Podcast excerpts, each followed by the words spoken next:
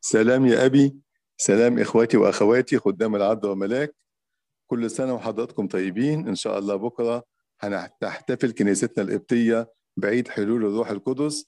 ويعتبر هذا العيد بداية لتاريخ الكنيسة المسيحية وبدء للكرازة وانتشارها. في هذا اليوم نال التلاميذ قوة زي ما ربنا رب المجد قال لهم ستنالون قوة متى حل الروح القدس عليكم. فانتشر الملكوت والكرازة بهذه القوة قوة في قلوبهم فلم يخافوا الموت قوة تأثير كلامهم على السامعين وقوة آيات وعجائب كانت تتبعهم. ومعلمنا بولس الرسول بيقول وكلامي وكرازتي لم يكون بكلام الحكمة الإنسانية المقنع بل ببرهان الروح والقوة. وعشان كده كل خادم عايز تكون خدمته قوية ومؤثرة وتأتي بالثمر أن يمتلئ بالروح. ويجعل روح الله هو الذي يقوده في حياته وخدمته. زي معلمنا بولس الرسول بيقول لنا إن الذين ينقضون بروح الله فأولئك هم أبناء الله. وفي أشية المسافرين بنسمع أبونا بيقول لنا اشترك يا رب في العمل مع عبيدك في كل عمل صالح. ودعوة ربنا لينا النهاردة أن امتلئوا بالروح. نمتلئ بالروح لننال قوة في الخدمة والروح القدس يعطي حكمة ومعرفة وإيمان ويعمل فينا لأجل التوبة الدائمة. حتى يصير خادم هيكلا للروح القدس فتظهر فيه ثمار الروح القدس. لكن إزاي نقتني ثمار الروح القدس في حياتنا ونعيش فيها؟ هو ده موضوعنا مع أبونا المحبوب قدس أبونا كيرلس شاكر كاهن وملاك كنيسة الشهيد جوارجيوس بأبو طاقيه الحقيقة قدس أبونا أول مرة يشرفنا في الاجتماع. فنشكر قدسه جدا وإن شاء الله يكون معانا دايما ونطلب من ربنا أن يعطيه كلمة ويعطينا آذان صاغية حتى نسمع ونعمل ونثمر في الكنيسة المقدسة لهنا المجد الدائم الأبد آمين. بسم الاب والابن والروح القدس إله واحد آمين. آه آه بنشكر دكتور عصمت خالص على المقدمة الجميلة دي هو تقريبا خلص الكلام الحلو اللي كان نفسي أقوله يعني. ف آه ندردش مع بعض شوية عن الروح القدس. هو بصراحة الأقانيم الثلاثة هم هم واحد. ولما إحنا بنصلي للآب إحنا بنصلي للثلاث أقانيم. لو بنصلي للابن برضو كده لو بنصلي للروح القدس إحنا بنصلي للثلاث أقانيم. لكن هو بصراحة صلواتنا للروح القدس إحنا يعني ظالمين الأقنوم ده شوية يعني. يعني نلاقي مثلا في القداسات في قداس موجه للابن في قداس موجه للآب لكن مفيش قداس موجه للروح القدس. حتى في صلواتنا نقول مثلا في أبانا الذي أبانا الذي في السماوات بنكلم الله الآب. في صلواتنا لما بنكلم ربنا يسوع المسيح أو في الصلوات السهمية نقول كده يا رب يسوع المسيح ارحمني يا رب يسوع المسيح أعني وهكذا. كل دي يعني طبعا في في الأجبية صلوات موجهة للروح القدس بس هي قليلة شوية. إحنا النهاردة عايزين يعني نسلط الأضواء شوية على الروح القدس. زي ما قال كده دكتور عصمت لما السيد المسيح طلب من التلاميذ أن يمكثوا في أورشليم حتى يلبسوا قوة من الأعالي. فالروح القدس ده قوة غير عادية. هنشوف مع بعض قد إيه إنه الروح القدس ده يعني قوة محتاجينها في حياتنا اليومية. طبعا الروح القدس هو إقنوم.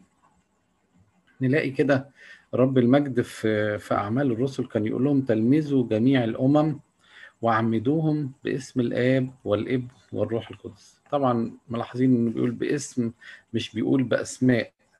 فهو يقصد إنه الآب والابن والروح القدس هم واحد.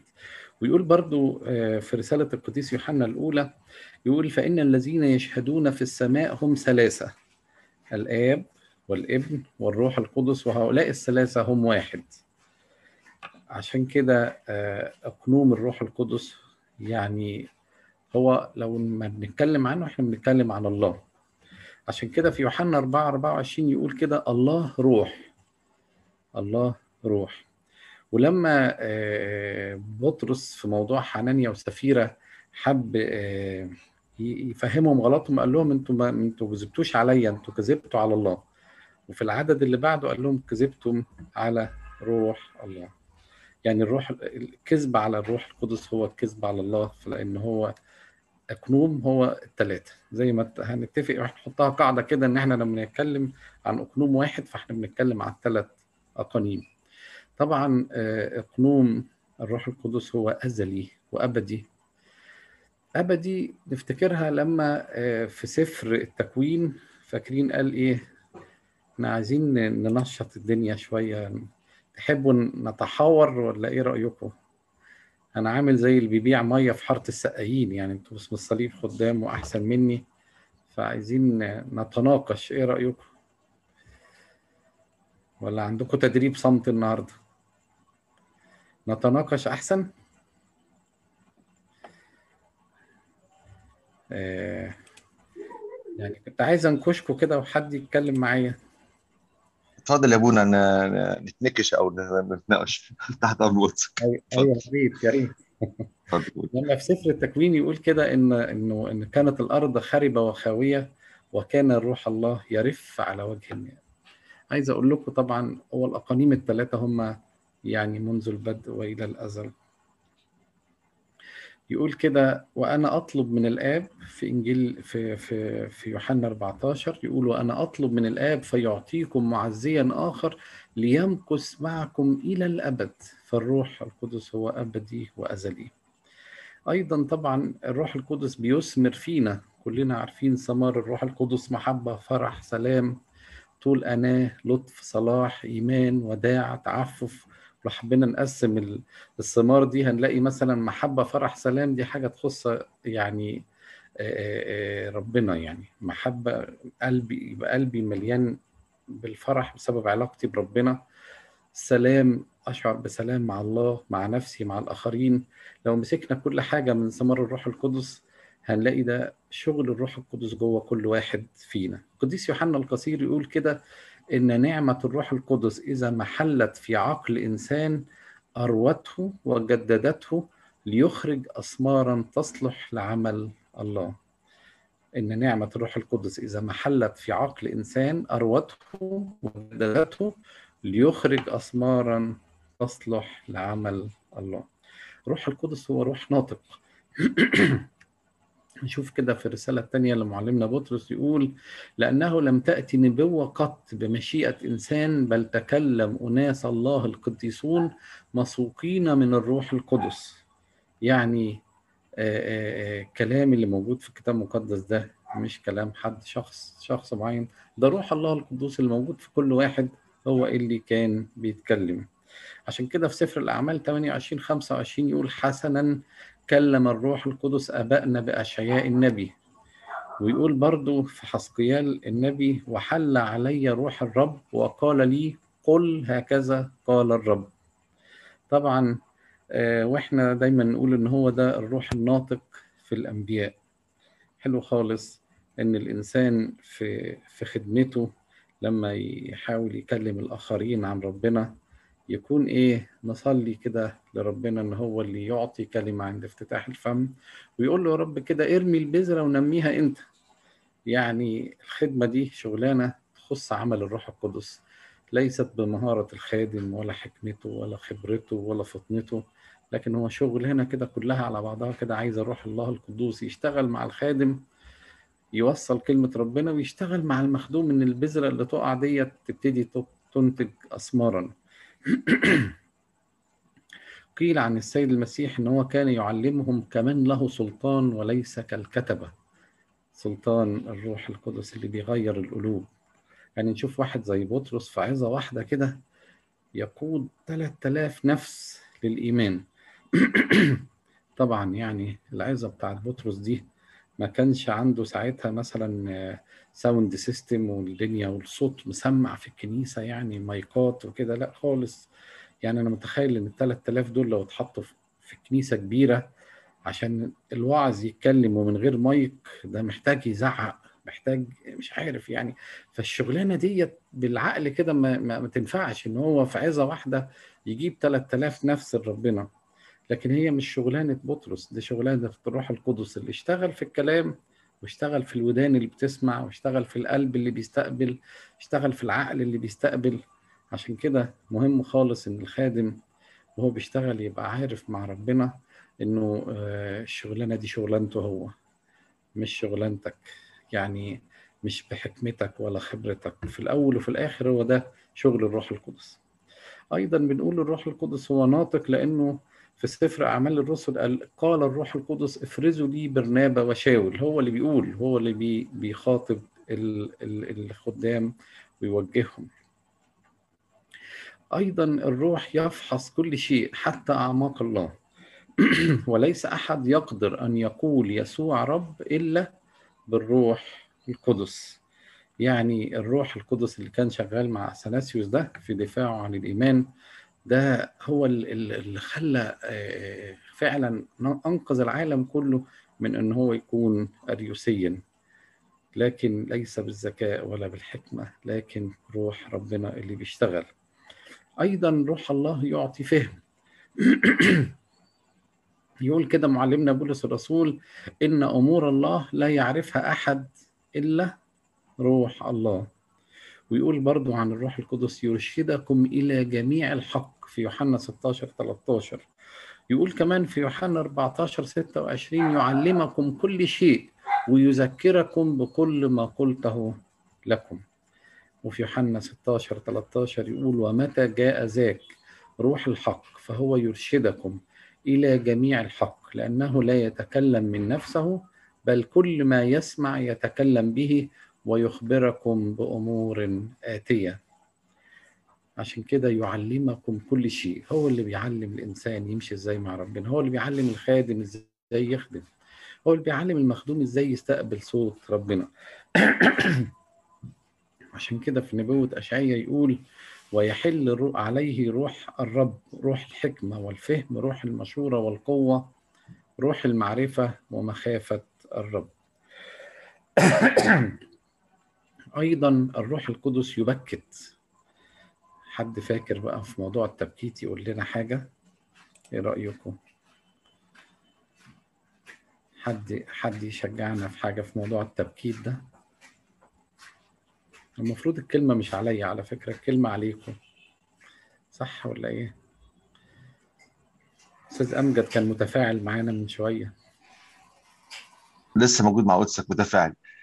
لو قدسك هتقصد تقصد يعني مين مين الروح القدس بكته؟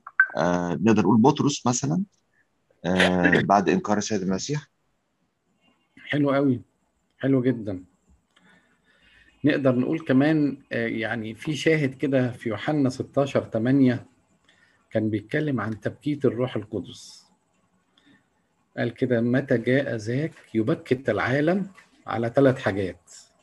حد فاكر؟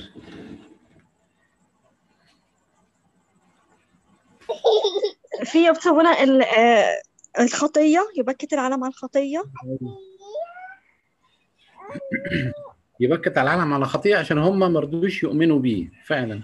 تمام. يبكتهم على إيه تاني؟ على بر لأني ذاهب إلى أبي.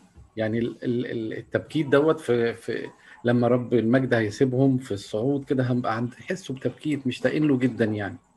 ويبكت العالم كمان على دينونة لأن رئيس هذا العالم قد دين يعني عايز أقول إن الروح القدس بيبكت وبيشتغل جوه آه آه الإنسان يبكته على على حاجة حلوة ما عملهاش على حاجة وحشة عملها على على قعدة حلوة كان المفروض يقعدها مع ربنا وما قعدهاش. يبكته لأنه بيضعف وبيسقط وإذا كان رئيس العالم قد دين يعني الشيطان ليس له علي سلطان. أحكي لكم بقى حاجة كده طريفة كانت جت في بستان الرهبان عن عن راهب كده كان في الصوم الكبير وبعدين اشتهى إنه يأكل بيضة مسلوقة. مش عارف تعرفوا القصة دي ولا لأ. فالمهم بقى إيه جاب مسمارين كده وزنق بالبيضة وقعد يلف البيضة كده إيه على الشمعة وإيه بيسويها يعني. فالريحة بانت فحد من الأباء معدي من قدام القلاية شم الريحة فدخل يقول له أبونا الشيطان ضحك عليا. فبيقولوا الشيطان ظهر في الوقت ده وقال له صدقني أنا واقف بتعلم منه بيسلقها إزاي؟ رئيس هذا العالم قد دين وليس له علينا أي سلطان. أيضا الروح القدس يشفع فينا. ودي جت في روميا 8 26 يقول كده كذلك الروح أيضا يعين ضعفتنا لأننا لسنا نعلم ما نصلي لأجله كما ينبغي ولكن الروح نفسه يشفع فينا بأنات لا ينطق بها. حلو خالص إن إن الواحد يشعر باشتياقات للصلاة يشعر بأنين هو إن إن في وقت ضاع مني بعيد عن ربنا يشعر آه، بأن بأنين على الناس البعيدة عن ربنا. يبقى حاسس كده إيه؟ إنه آه، موجوع بسبب الناس اللي بعيدة عن ربنا. يشفع فينا يعني إن هو يديني إن أنا أقف قدام رب المجد وأت- وأتكلم. يشفع فينا يديني صلوات أقولها قدام العرش الإلهي مقبولة جدا لأنها بتتقال بالروح القدس.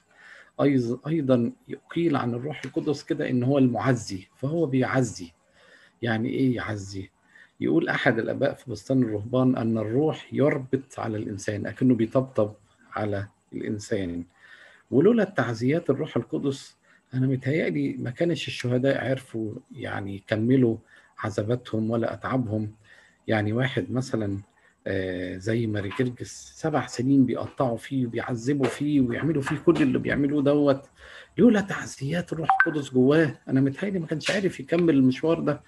والجير حي ومشبشب فيه مسامير وكل والهمبازين وأدوات تعذيب صعبة جدا. الواحد لما يبص كده على الحاجات اللي هم الأدوات اللي كانوا بيستخدموها في تعذيب القديسين يقول ما فيش عقل بشري يستحمل كده. إيه ده؟ لكن في وسط الألم كان في تعزية. فاكرين بقى في واحد وجه في العهد الجديد وهو بيتألم كان متعزي قوي. حد فاكر مين؟ دي عليكم أنتوا بقى. كان متعزي خالص. استفانوس يا سابونا؟ أيوه برافو عليك يا مس. شاطرة يا مس. آه، استفانوس بيتحدف الحجارة على دماغه. وبي بي- خلاص هو في لحظات عمره الأخيرة يعني بينازع الموت. وهو بيتألم قوي كده كان متعزي جدا. ليه؟ لأنه شاف السماء مفتوحة وشاف العرش وشاف رب المجد. لدرجة من كتر ما هو متعزي ونفسيته حلوة عمال بيصلي من أجل اللي بيرجموه. كل واحد يقول بالعقل كده أنت في في إيه ولا في إيه؟ أنت خلاص بتموت. أنت في وقت تصلي من أجل اللي بي بيعملوا معاك كده. ده أنت يعني يا دوب بس كده تصلي من أجل نفسك حتى إن ربنا يعدي عليك الوقت ده. لكن يلاقيه آه، آه، بنفسية حلوة بيتكلم ربنا عشان الناس اللي بترجمه. واحد زي القديس سيدهم بشاي. طبعا أنتوا عارفين إنه آه، آه، إن هم آه، من ضمن الحاجات اللي عذبوه بيها القار المغلي اللي هو الزفت. أنتوا عارفين المية بتغلي عند درجة 100 مئوية. ممكن نقول الزيت يغلي مثلا عند 100 110 مثلا حاجة زي كده. القار اللي هو الزفت ده عشان يغلي ده عايز درجة حرارة عالية قوي. يعني عايز أقول لكم إن هم ما رضوش يدلقوا عليه مية مغلية أو يحطوه في مية مغلية. لا يقول لك 100 مئوية دي مش هتوجعه قوي رغم إنها مميتة يعني. لا ده إحنا عايزين نتفنن في تعذيبه. وهم بيعملوا معاه كده تخيلوا يقول لهم إيه؟ هاتوا كرسي هاتوا كرسي. إيه ليه يجيب كرسي؟ أتاري شايف الست العذراء متعزي وفرحان. يقول لهم هاتوا كرسي عشان الملكة تقعد. يا أنت في إيه ولا في إيه؟ ده موضوع الزفت المخلي ده لوحده ده قصة صعبة قوي ومؤلمة جدا. أنت يعني لا هو متعزي خالص.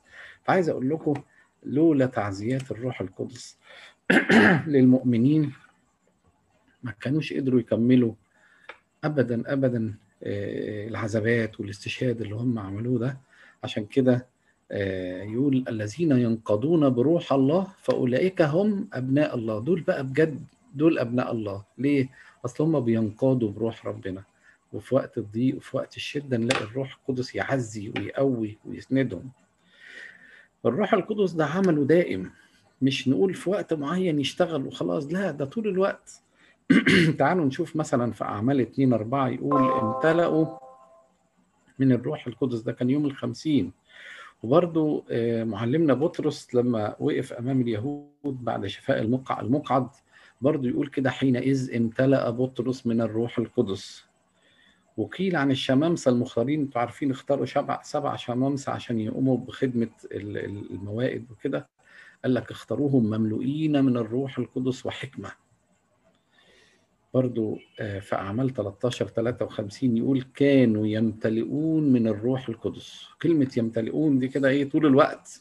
يعني مش وقت معين في الامتلاء والباقي لا ده طول الوقت بيمتلئون. أتاري يعني شغل الروح القدس ده شغل مستمر جوه كل واحد فينا. من أجمل القطع في الأدبية لما بنقول له تفضل يا رب وحل فينا وطهرنا من كل دنس أيها الصالح وخلص نفوسنا نخاطب الروح القدس. حلو خالص إن إحنا في صلواتنا برضو ممكن نصلي لروح الله القدوس. في سفر يقيل يقول كده ويكون بعد ذلك إني أسكب روحي على كل بشر فيتنبأ بنوكم وبناتكم ويحلم شيوخكم أحلاما ويرى شبابكم رؤى. حلو خالص إنه الروح القدس يعمل مع الكل. بس يا ترى مين يفتح له المجال يشتغل معاه؟ ومين بيقفل؟ مين يدي مجال للروح القدس يعمل؟ ومين لأ؟ شفنا شاول الملك كان روح الله شغال معاه كويس قوي لكن جه بعد كده آه، يعني بغته روح رديء وفارقه روح ربنا. عشان كده آه، آه، إحنا محتاجين خالص وهنشوف في الآخر إنه إن إحنا محتاجين نغذي الروح القدس جوانا يعني. أيضا الروح القدس خالق. يعني نلاقي مثلا في سفر أيوب 33 4 يقول روح الرب صنعني. برضو يقول في مزمور 134 ترسل روحك فتخلق وتجدد وجه الأرض. روح الله القدوس هو روح خالق. هو معطي الحياة. عشان كده في رومية 8 2 قال كده روح الحياة. وشفنا برضو في سفر حسقيال النبي يقول كده فقال لي تنبأ للرب للروح تنبأ يا ابن آدم وقل الروح هكذا قال السيد الرب هلم يا روح من الرياح الأربع وهب على هؤلاء القتلى ليحيوا. فتنبأت كما أمرني فدخل فيهم الروح فحيوا وقاموا على أقدام على أقدامهم جيش عظيم جدا جدا. الروح القدس هو روح محيي. يبتدي العظام اللي يعني اللي ملهاش ما فيهاش حياة خالص يبتدي يكسيها لحم وأعصاب وجلد ويقف على رجليهم جيش قوي جدا. أيضا الروح القدس موجود في كل مكان في شاهد جميل خالص. في مزمور 139 بنقوله كده حد حد فاكر الشاهد ده؟ في مزمور 139 يقول أين أذهب؟ حد فاكر؟ بحاول أنشطكم معايا شوية لحسن.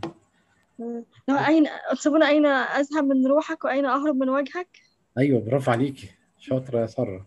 تعيش يا أبونا قال له كده إيه؟ أين أذهب من روحك ومن وجهك أين أهرب؟ إن صعدت إلى السماوات فأنت هناك وإن فرشت في الهاوية فها أنت. يعني أنت موجود في كل حتة. ونلاحظ إنه يقول له أين أذهب من روحك؟ اتكلم عن روح الله القدوس. أيضا اللي بيدل على وجود روح الله في كل مكان هو عمله جوانا. عمله في البشر المؤمنين بربنا المنتشرين في كل الكرة الأرضية. يقول كده أما تعلمون إنكم هيكل الله وروح الله يسكن فيكم روح الله اللي بيسكن فيكم دول في كل الناس اللي بتؤمن بربنا سواء هنا أو في أي قارة في الأرض كلها فروح الله موجود في كل مكان. روح الله القدوس يعطي قوة. قال لهم كده ستنالون قوة؟ متى حل الروح القدس عليكم وتكونون لي شهود؟ القوة دي هي اللي إحنا محتاجينها للخدمة.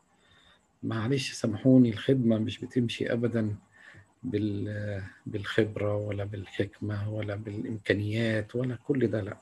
هي عايزة إيد ربنا. آه الحاجات التانية دي مطلوبة بس الأساس هو ربنا. عشان كده التلاميذ اللي هم الغلابة اللي مش متعلمين يقول عنهم كده فتنوا المسكونة. يا فتنوا المسكونة. طب هو ما كانوش دارسين علم لاهوت؟ لا. ما دخلوش عداد خدام ما دخلوش. لكن هم فتنوا المسكونة لا بالقدرة ولا بالقوة بل حد فاكر كمالتها بقى؟ نعمل لكم امتحان كل شوية عشان تصحصحوا معايا. ده جت في زكريا أربعة ستة. لا بالقدرة ولا بالقوة بل إيه بقى؟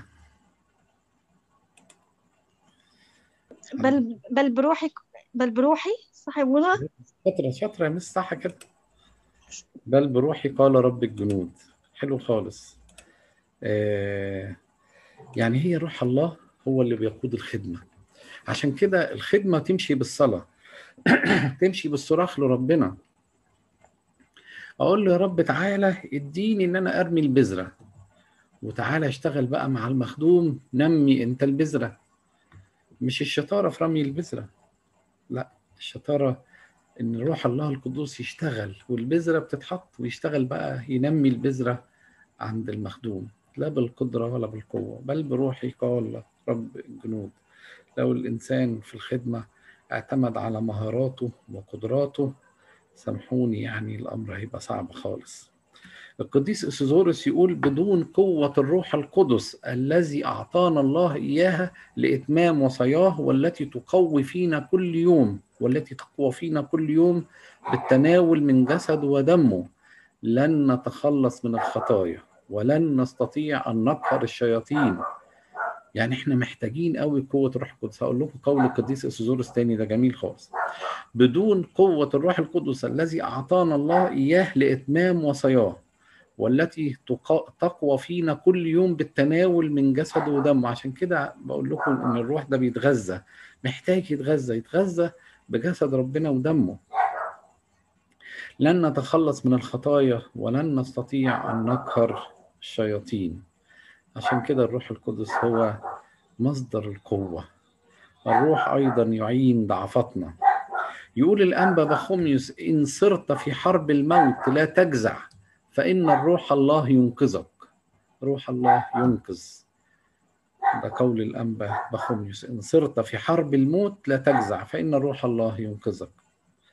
طيب كنت عايز أقول لكم على في تعبيرات أربع تعبيرات اتقالوا عن الروح القدس.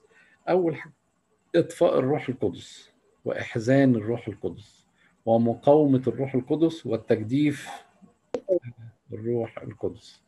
فتعالوا كده نحكي مع بعض على كل كلمة منهم بسرعة. أول حاجة إطفاء الروح ده بسبب الكسل والتهاون.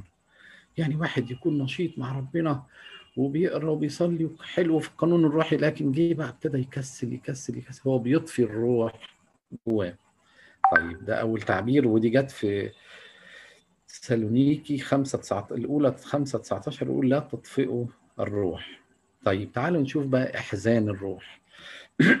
إحزان الروح الروح يحزن بالخطية. زي ما السماء كلها فوق في فوق بتفرح بخاطي واحد يتوب الروح اللي جوايا كمان بيحزن بسبب الخطية. ودي جت في أفسس 33 يقول لا تحزنوا روح الله القدوس الذي به ختمتم. لا تحزنوا روح الله القدوس. الله نور والخطية ظلمة. فأية شركة للنور مع الظلمة؟ عشان كده مهم خالص الإنسان دايما يكون في حالة توبة دائما. قال أحد الشيوخ في بستان الرهبان إذا ما رفض الذهن أوامر الروح القدس تبعد القوة ذاتها وتصور أوجاع القلب. فإذا ما رجع القلب إلى الله وحفظ أوامر الله الروح القدس كان عليه ستر. يعني إيه؟ يعني ال ال الإنسان اللي بيرفض الذهن اللي بيرفض أوامر الروح القدس ما الروح القدس جوايا لما باجي يتعرض عليا الخطية يقول لي لا ما تعملش كذا. خد بالك. ما تعمل ما تقولش ده ما تعملش ده. أنا لما برفض الأوامر اللي بطلع اللي جاية من الروح القدس وصوته اللي بيبكتني دي تبعد القوة ذاتها وتصور أوجاع القلب. فإذا ما رجع القلب إلى الله وحفظ أوامر أوامر الروح القدس كان عليه ستر. يبتدي يبقى في زي ما يكون حاجة بتستره وبتحميه. عشان كده الروح القدس يبكتنا على الخطية. الإنسان محتاج إنه يجاهد عشان يفرح الروح القدس. أجاهد ضد الخطية وأجاهد في التوبة. قال قال أحد الشيوخ كده في بستان الرهبان لا تملأ بطنك من الخبز والماء. معلش بقى بمناسبة الأصوام اللي جاية. لا تملأ بطنك من الخبز والماء ولا تشبع من نوم الليل. فإن الجوع والسهر ينقيان أوساخ القلب من الأفكار والجسد من قتال النجاسة فيسكنه الروح القدس. حلو خالص إن الإنسان اللي بي الجوع يعني الجهاد الجوع والسهر الجهاد ده بينقي أوساخ القلب من الأفكار والجسد من قتال النجاسة فيبقى سهل قوي إن يسكنه الروح القدس. أيضا خطية الإدانة دي من ضمن الخطايا اللي بتحزن الروح القدس جوانا. للأسف ساعات كده الناس بتستسهل لما مجموعة يقعدوا مع بعض يجيبوا سيرة فلان وفلانة. تعالوا نشوف كده أحد الآباء في بستان الرهبان قال إيه.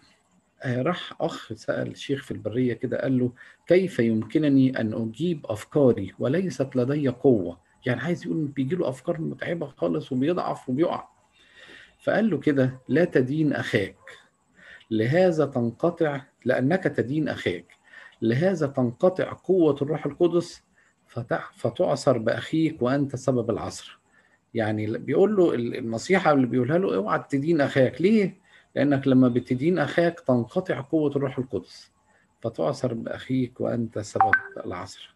كل دي حاجات بتحزن الروح القدس جوايا. يبقى إحنا اتكلمنا عن إطفاء الروح اللي هو الكسل وإحزان الروح اللي هو عدم التوبة أو الخطية. طيب تعالوا نشوف مقاومة الروح. دي برضو التعبيرات دي جت في الكتاب المقدس. قالها استفانوس رئيس الشمامسة رئيس أول الشمامسة قالها لليهود قال لهم كده يا قصاة الرقاب أنتم دائما تقاومون الروح القدس كما كان آباءكم كذلك أنتم أي الأنبياء لم يضطهدوا آباءكم. ونشوف في الأعداد اللي بعد كده إن هم سدوا أذانهم ما كانوش عايزين يسمعوه خالص سدوا أذانهم وإيه؟ وهجموا عليه عشان يموتوه. فيعني مقاومة الروح إن الإنسان بيقاوم إنه يسمع صوت ربنا. يبقى الصوت جوايا بيتكلم وأنا مش عايز أسمعه أنا رافض أسمع. وبالتالي مش هنفذ. يعني أنا رافض أصلا إن أنا أسمع صوت الروح القدس جوايا. أنتم دائما تقاومون الروح بنقاوم إزاي إن أنا مش عايز أسمع؟ مش عايز أسمع صوت ربنا اللي بيوجهني. العدو الخير قيل عنه إن هو المقاوم والمرتفع على كل ما يدعى إلها وبرضه موسى النبي لما كان بيكلم شعب إسرائيل عن تمردهم قال لهم هوذا قد صرتم تقاومون الروح تقاومون الرب. دي جت في تثنية 31 27 هوذا قد صرتم تقاومون الرب.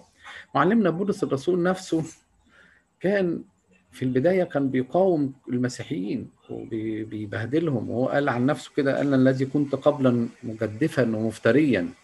ويقول أنا اضطهدت كنيسة الله. لكن المقاومة الروح دي في ممكن الإنسان يقدم عنها توبة ويتغير. ممكن في الآخر يتغير. وشفنا معلمنا بولس الرسول رغم من كل المقاومة اللي كان فيها دي لكن رجع وبقى رسول وكارز عظيم جدا. ويقول كده تعبت أكثر من جميع الرسل وقد إيه خدمته كانت جميلة جدا. آخر حاجة التجديف على الروح القدس. ودي أصعب واحدة. الحاجات اللي فاتوا دول كانوا سهلين يعني مقاومة الروح ممكن نتوب عنها إحزان الروح نقدر نتوب عنها إطفاء الروح ممكن نتوب عنها. لكن التجديف على الروح دي صعبة خالص صعبة خالص. خطية بلا غفران. ليه؟ أصل التجديف على الروح إن أنا رافض خالص عمل الروح القدس جوايا مع الاستمرار فيها. مش مش إن أنا بقول رافضه دلوقتي وخلاص لا ده أنا رافضه طول الوقت. أنا رافض عمل الروح القدس جوايا. ومش مش هي دي إنكار مثلا لاهوت الروح القدس. يعني الناس اللي وقعوا في الهرطقات زي مقدونيوس مثلا في القرن الرابع لما أنكر لاهوت الروح القدس الناس اللي وقعوا في الهرطقات دي ورجعوا تابوا الكنيسة قبلتهم لأن ليهم توبة. لكن التجديف على الروح هو إنسان رافض تماما عمل الروح القدس مع الاستمرار في الرفض. عشان كده الأمر كان صعب خالص وخطية لا تغفر هي التجديف على الروح القدس. هو عمل هو رفض دائم ورفض طول الوقت على لعمل الروح القدس. عشان كده يقول إن لم تتوبوا فجميعكم كذلك تهلكون. هي الحتة دي بالذات اللي تؤدي إلى الهلاك. قال أحد الآباء لا توجد خطية بلا مغفرة إلا التي بلا توبة. والتجديف على الروح القدس هو إيه؟ هي الخطية التي بلا توبة. واحد رافض عمل الروح القدس ومستمر في الرفض. آه، طبعا آه، في في أقوال آباء كتير أنا مش عايز أدوشكم. لكن هقول لكم مثلا حاجة عن أنبأ ايليا السائح. سألوه في مرة قالوا له ما بال واحد كان راح سأله يعني قال له ما بال الزنا يؤذي الإنسان ويلح عليه كثيرا. فقال له كده لأن الشيطان قد عرف أن الزنا من شأنه أن يجعلنا عراة من الروح القدس. واسمع ربنا قائلا لا تثبت روحي في هؤلاء الناس بسبب كونهم زناة. برضو من أقوال الشيخ الروحاني بيقول كده الذي يتوب عن سيئات ولا يعود إليها أيضا حتى ولو كانت قبيحة سمجة أكثر من خطايا السدوميين ويظهر من أجلها وجع قلب وندامة ودموع وبالجملة يقطع منه كل شر فلوقته يولد من الروح القدس يعني الناس اللي بيرجعوا بيتوبوا دول. دول الناس اللي نقدر نقول عليهم كانوا إيه بيحزنوا الروح. كان عايش في الخطيئة فبيحزن الروح لكن لما يتوب هو إيه؟ هو بيفرح روح ربنا اللي جواه. عايز أقول لكم الإنسان لما بتتعرض عليه الخطية بيبقى في حرب بين الجسد والروح. يقول الجسد يشتهي ضد الروح والروح تشتهي ضد الجسد. مين اللي يغلب؟ اللي متغذي كويس يغلب. يعني الإنسان اللي بيهتم بجسده ويأكل جسده وبيعتني بجسده قوي فما بيقدرش يقول له لا على حاجة هيجي عند الخطية ومش هيقدر يقول له لا. لكن الإنسان اللي بيغذي الروح بيغذيها بقى بحاجات كتير خالص دي اللي أنتوا هتقولوها يعني. اللي بيغذي الروح في ما تتعرض عليه الخطية لما يحصل الحرب بين الجسد والروح الروح تنتصر. فأنا بقى هسألكم إزاي الواحد يغذي الروح القدس جواه؟ دي عليكم أنتوا بقى.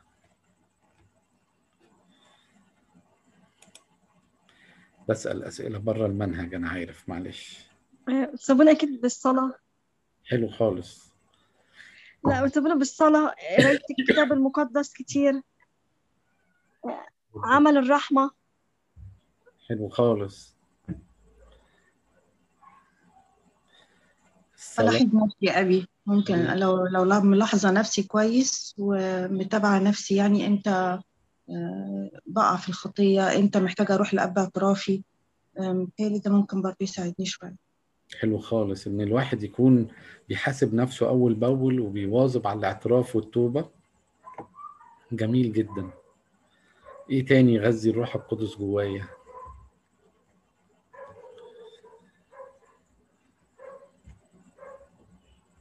آه، ممكن أقول لو أنا شاعرة دايما إن أنا شخص ضعيف و- وإني دايما اتكالي ومصدر قوتي هو ربنا.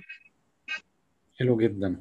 الإنسان اللي بيشوف نفسه قوي وعارف مش بيدور إنه يصلح من نفسه. زي المريض اللي هو شايف إن هو سليم. نقول له فلان أنت محتاج تروح للدكتور أنت أنت مريض. يقول لك لا أنا سليم أنا زي الفل. عمره ما يروح للدكتور. لكن لو اعترف بمرضه وقال آه أنا مريض فعلا ده سهل يروح للدكتور ويتعالج. نغذي الروح القدس جوانا إزاي؟ دي عليكم أنتم. طاعة الوصايا يا أستاذ حلو قوي. طاعة الوصايا. جميل جدا. حلو خالص. إيه تاني؟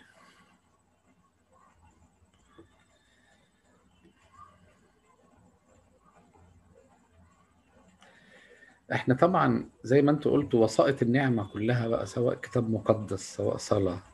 سواء صوم مطنيات قداسات آه، عظات ترانيم تسبيح كل دي حاجات بتغذي الروح القدس جوايا. يعني حلو خالص مثلا لما يكون الواحد حتى هو في شغله بيكلم ربنا. يعني كان البابا كرولو السادس كان باعت آه، آه، رسالة كده وخط البابا كرولوس مميز قوي يعني. كان باعت رسالة ل- لواحد وقال له كده وأنت في محل عملك تقول يا رب يسوع المسيح ارحمني يا رب يسوع المسيح أعني أنا أشكرك يا رب يسوع المسيح. حلو خالص إنه آه، الواحد طول الوقت يكلم ربنا يتغذى. إيه المانع إن الواحد وهو مثلا والوصايا العشرة طبعا زي حد كتبها دلوقتي الوصايا العشرة. حلو خالص. إيه المانع إن الواحد وهو برضه في الطريق في المواصلات؟ ممكن يحط سماعة يسمع تفاسير يسمع ترانيم يسمع ألحان قداسات يقعد يغذي الروح جواه. دي كلها تغذية. آه، أنا فاكر في مرة كانوا طلبوا من الرسام اسمه دافنشي إن هو يرسم صورة للصوم.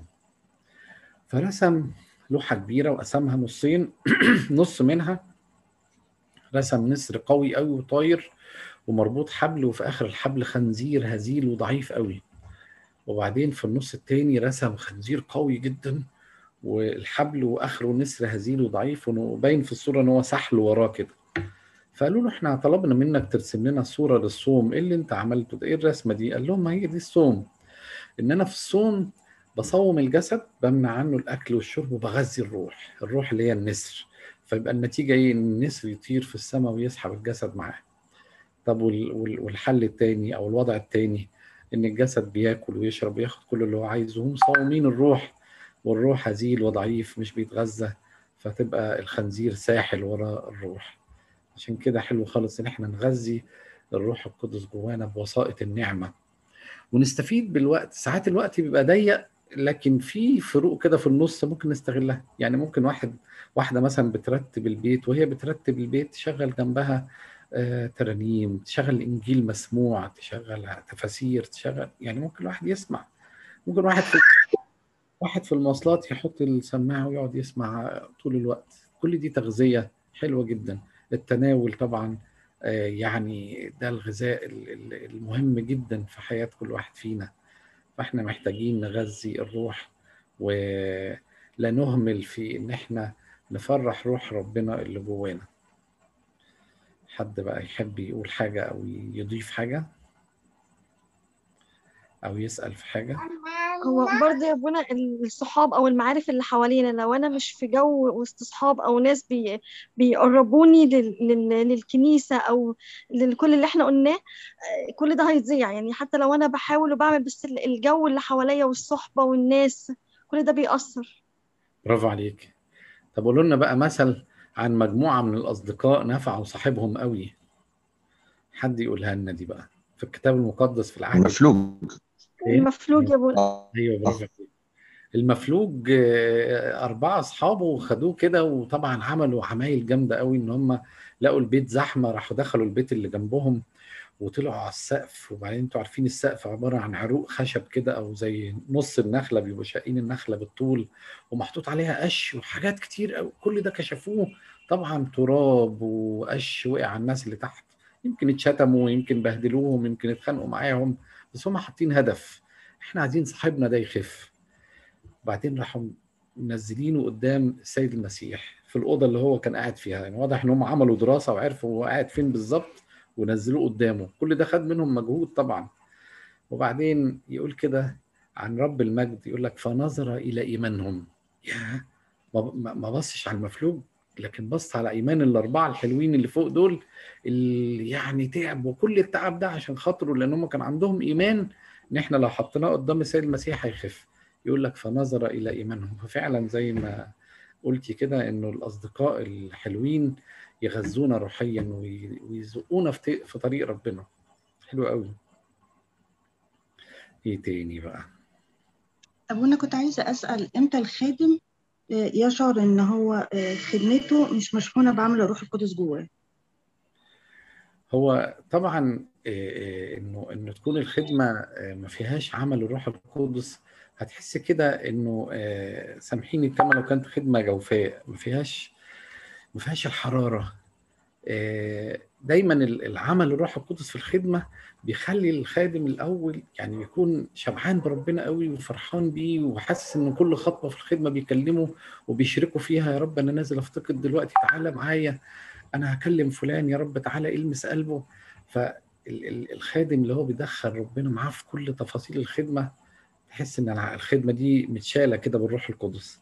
لكن لو الخادم كان عنده قناعة عن إمكانياته إن هو يقدر وان هو شاطر وان هو عنده من الحنكة والخبرة والشغلانة دي أنا عملتها كتير سيبوا لي أنا الموضوع ده أنا عارفه كويس.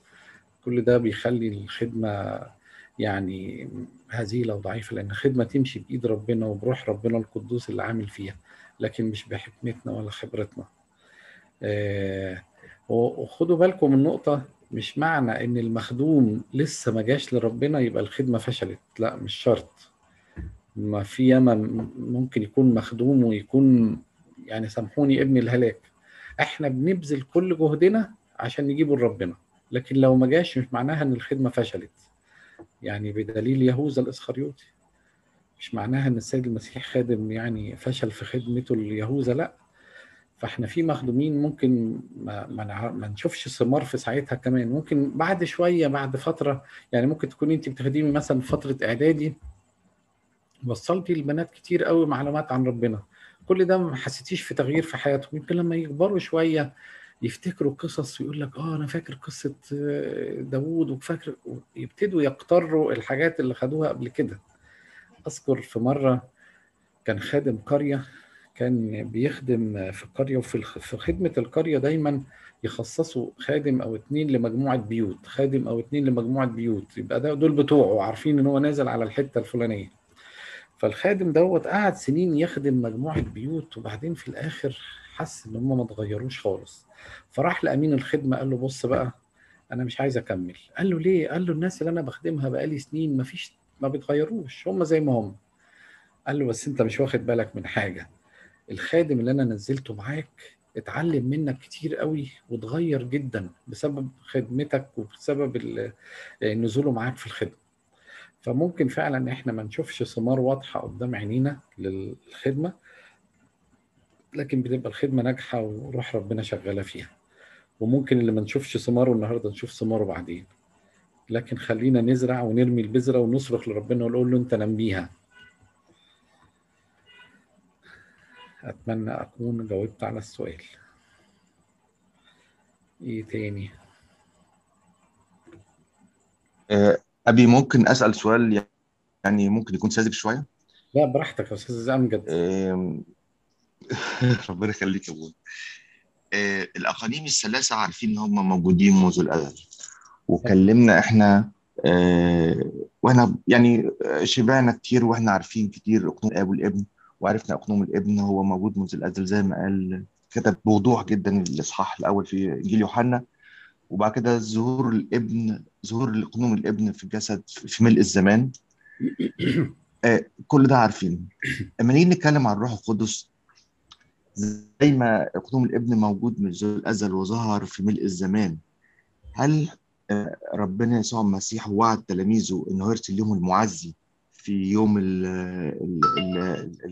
الخمسين خمسين مقدسة بعد بعد 50 يوم من قيامته هل ده ملء الزمان لحلول الروح القدس؟ يعني هو ده الميعاد زي ما ميعاد يعني ولا الروح القدس موجود قبل كده؟ وبرضه القدوم الابن ظهر في العهد القديم ليه ظهورته لكن هل الميعاد ده هو الميعاد الذي ظهر فيه الروح القدس بوضوح ولا نقدرش نقول كده هو روح الله القدوس أكيد شغال من العهد القديم و... ومع يوحنا المعمدان مع الكل يعني هو كان شغال وشغال بقوة مع كل الأجيال يعني. لكن ممكن يكون ظهر جليا بقى في يوم الخمسين بقى حاجة قدام عينيهم شايفين ألسنة من نار وشايفين الوضع وبيتكلموا بلغات ولقوا الوضع حاجة ثانية لكن هو موجود وبيعمل.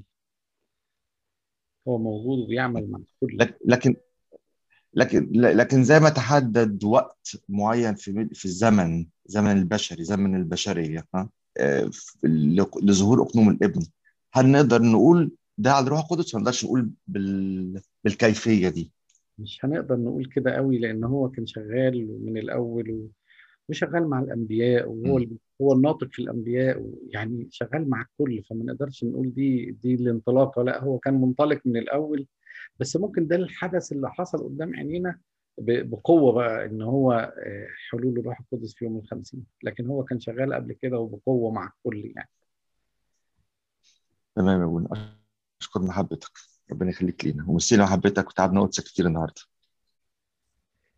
لا ده أنا ما خدت ما تعبتش. أنا خدت بركة. خدت بركة. ربنا يخليك الحقيقة بنشكر ربنا وبنشكر قدس أبونا كارولوس شاكر. على محبته وعلى أسلوبه الشيق وأسلوبه الرائع جدا في الحوار عرفنا النهارده إن الروح القدس هو الأقنوم من أقانيم الثلاثة ونحن مقصرين جدا في حق الروح القدس وصلواتنا ليه. زي أنبا من دايما بنقول الخادم المفروض يصلي للآب ويصلي للابن ويصلي للروح القدس هؤلاء الثلاثة هم واحد.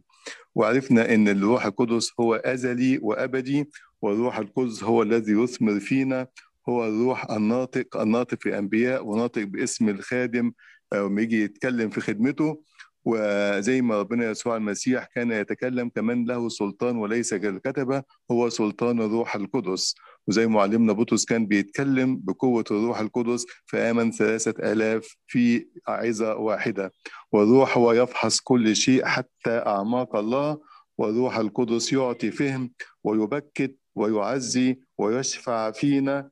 وعمله دائم دايما كانوا يمتلئون من الروح القدس يعني دايما نبتدي من الروح القدس زي ما قدس أبونا قال لنا إزاي نغذي تغذية الروح القدس في داخل كل واحد فينا إن بالصلاة بوسائط النعمة بالتناول بكل دايما نكون دايما فاكرين ربنا في كل وقت. وعرفنا الألفاظ الصعبة جدا بالتعبيرات الصعبة جدا هي الفرق بين إطفاء الروح وإحزان الروح ومقاومة الروح. والتجديف على الروح القدس. حاجات كانت صعبة علينا لكن هي قدس أبونا وضحها بسهولة جدا.